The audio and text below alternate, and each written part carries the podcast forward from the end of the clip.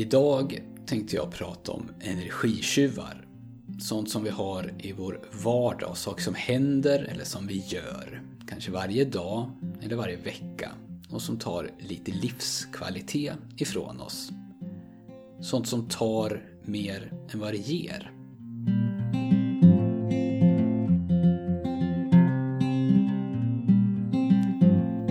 Du lyssnar på Monkey Mindset, en podcast av mig, Daniel Sjöstedt och jag är mental tränare och varje vecka försöker jag presentera någonting som kan göra ditt liv lite enklare.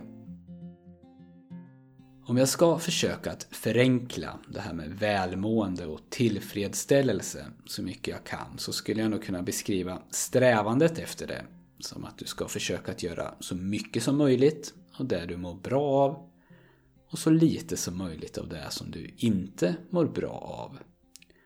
Och att du i det här strävandet ska hitta en balans mellan kort och lång sikt. Så att du inte bara har det bra i nuet på ett sätt som skadar dig på sikt. Men inte heller att du idag helt och hållet upplever att du offrar dig för att kunna ha det bra någon gång i framtiden. Och det finns ju också en rad olika kategorier som man behöver ta hänsyn till. Din hälsa, dina relationer, din ekonomi, din personliga utveckling och så vidare. Och inom de här kategorierna finns det underkategorier. Så du hör att även om jag försöker att förenkla så mycket jag kan så blir det snabbt komplicerat. Och det är också så att ett recept inte passar alla. Men vi behöver ju börja någonstans och idag kommer jag då prata om sånt som du inte mår bra av. Men som du nu gör ändå. Och energitjuvar kommer vara begreppet som jag använder. Och kanske så gör du de här sakerna utan att du tänker på det. Eller för att du bara gör som du alltid har gjort. Eller kanske för att du tror att det här är någonting som man måste göra om man är en vuxen, ansvarsfull människa. Eller så gör du dem av något annat skäl. Och jag kommer att be dig titta på de här sakerna och se om du kan sluta att göra dem. Eller kanske åtminstone göra dem på ett annat sätt. Och att definiera vad en energitjuv är, det kan vara både lätt och svårt. En enkel och lite självklar definition, det är ju att det är sånt som du stör dig på i vardagen. Sånt som kostar energi. Du kommer hem från jobbet och det första du ser när du kliver in genom ytterdörren det är en överfull hall med kläder och skor precis överallt. Och du vill inte ha det så. Så det första som händer varje dag när du kommer hem från jobbet det är att du blir irriterad.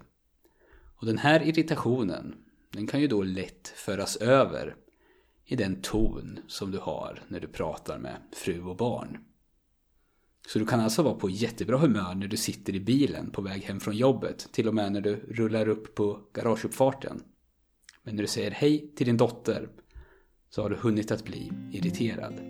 Och när den här energitjuven är identifierad så är den relativt lätt att fixa och den kan innebära stora förändringar i såväl ditt upplevda välbefinnande som dina relationer inom familjen till exempel.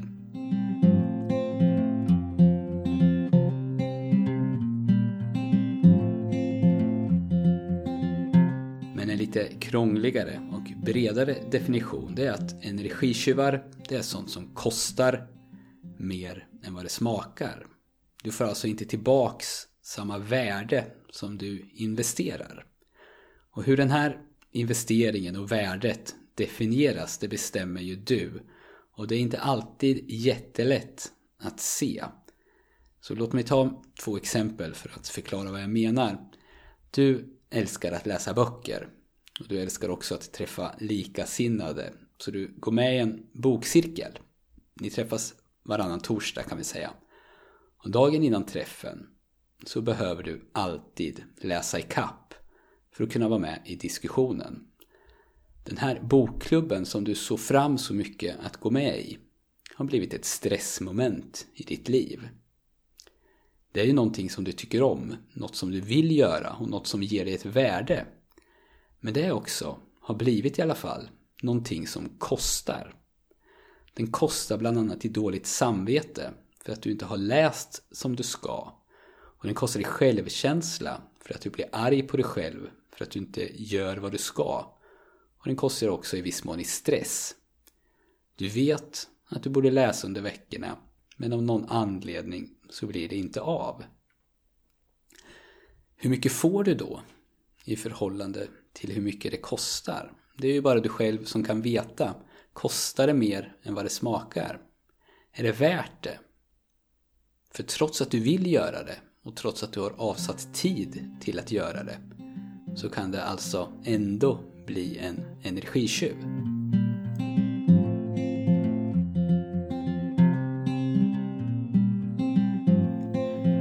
I nästa exempel så kan vi säga att du har en pool i din trädgård och att den här poolen behöver rengöras med jämna mellanrum. Men att rengöra den, det tycker du är jättetråkigt och det tar tid. Och poolens skötsel, det är ett konstant dåligt samvete för dig. Så du anlitar någon att rengöra din pool. Rent ekonomiskt så har det här väldigt liten effekt på ditt liv. Så det här borde ju vara ett klockrent exempel på hur man hittar en energitjuv och gör sig av med den. Men för dig så är inte investeringen enbart en ekonomisk fråga. Den handlar i det här fallet också om dina värderingar. Av någon anledning så tar det emot för dig att anlita någon för att rengöra din pool. Så nu känns det inte rätt i magen när poolskötaren kommer och rengör din pool och kanske så känner du något slags behov av att förrengöra poolen. För det kanske krockar med din självbild att ha en poolskötare. Du vill inte vara en sån som har en poolskötare. Så din energitjuv i det här fallet, den finns fortfarande kvar. Den ser bara annorlunda ut. Och för att kunna hantera den så hade du nog behövt tänka på något annat sätt. Finns det tekniska lösningar till exempel? Är det någonting som skulle ha känts bättre? Eller skulle du kanske kunnat komma till ro med att rengöra bara hälften mot vad som står i bruksanvisningen? Och leva med en lite smutsig pool? Eller någonting annat? Men samma läge kanske uppstår för mig som bor mitt emot och också har en pool. Men då är den här poolskötaren en no-brainer. Jag betalar gärna och upplever stora förbättringar i mitt liv nu när jag slipper tänka på poolen förutom när jag ska bada i den. Så vi upplever alltså samma energitjuv men lösningen som för mig är helt självklar och funkar jättebra löser inte hela problemet för dig. Så även om det här med energitjuvar kan verka väldigt enkelt vid en första anblick så kan de också vara ganska komplicerade. För det kan ofta handla om både känslor och värderingar, till exempel.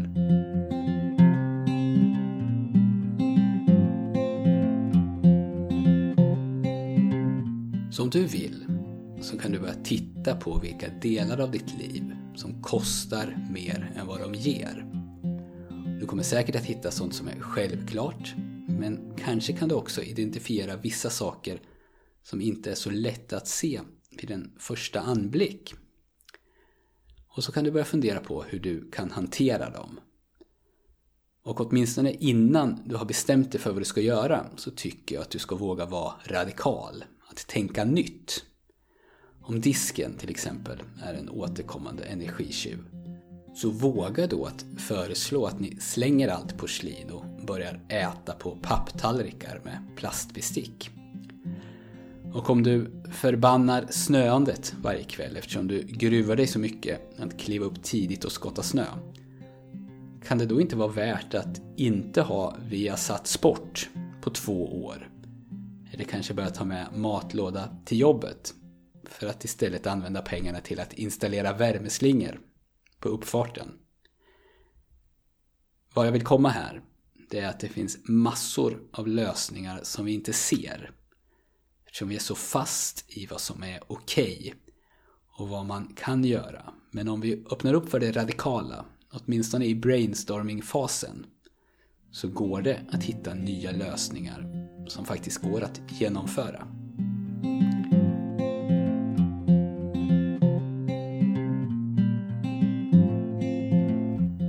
Det var allt för den här gången. Låt mig puffa lite för mitt träningsprogram Monkey Mindset Plus som kommer att starta upp igen den 1 december. Mer info kommer snart och om du vill vara säker på att inte missa någonting så kan du skriva upp dig på intresselistan.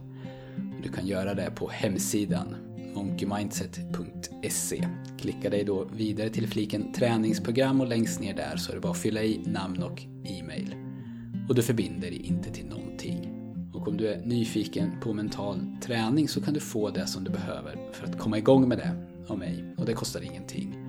Om du signar upp dig för mitt nyhetsbrev så skickar jag dig de fyra ljudfiler med instruktioner som ingår i min app som heter just mental träning. Och det här gör du också på hemsidan. Och lämna gärna en recension på iTunes. Recensioner det är tydligen hårdvaluta för iTunes. När man får nya recensioner så lyfts podden fram och då når den fler människor. Men hur man recenserar podden om man lyssnar på något annat sätt än genom iTunes, det vet jag tyvärr inte. Och den som har koll på det får gärna mejla mig och berätta. Och om du vill nå mig så finns jag på daniel.monkeymindset.se. Tack så mycket för att du har lyssnat och vi hörs snart igen.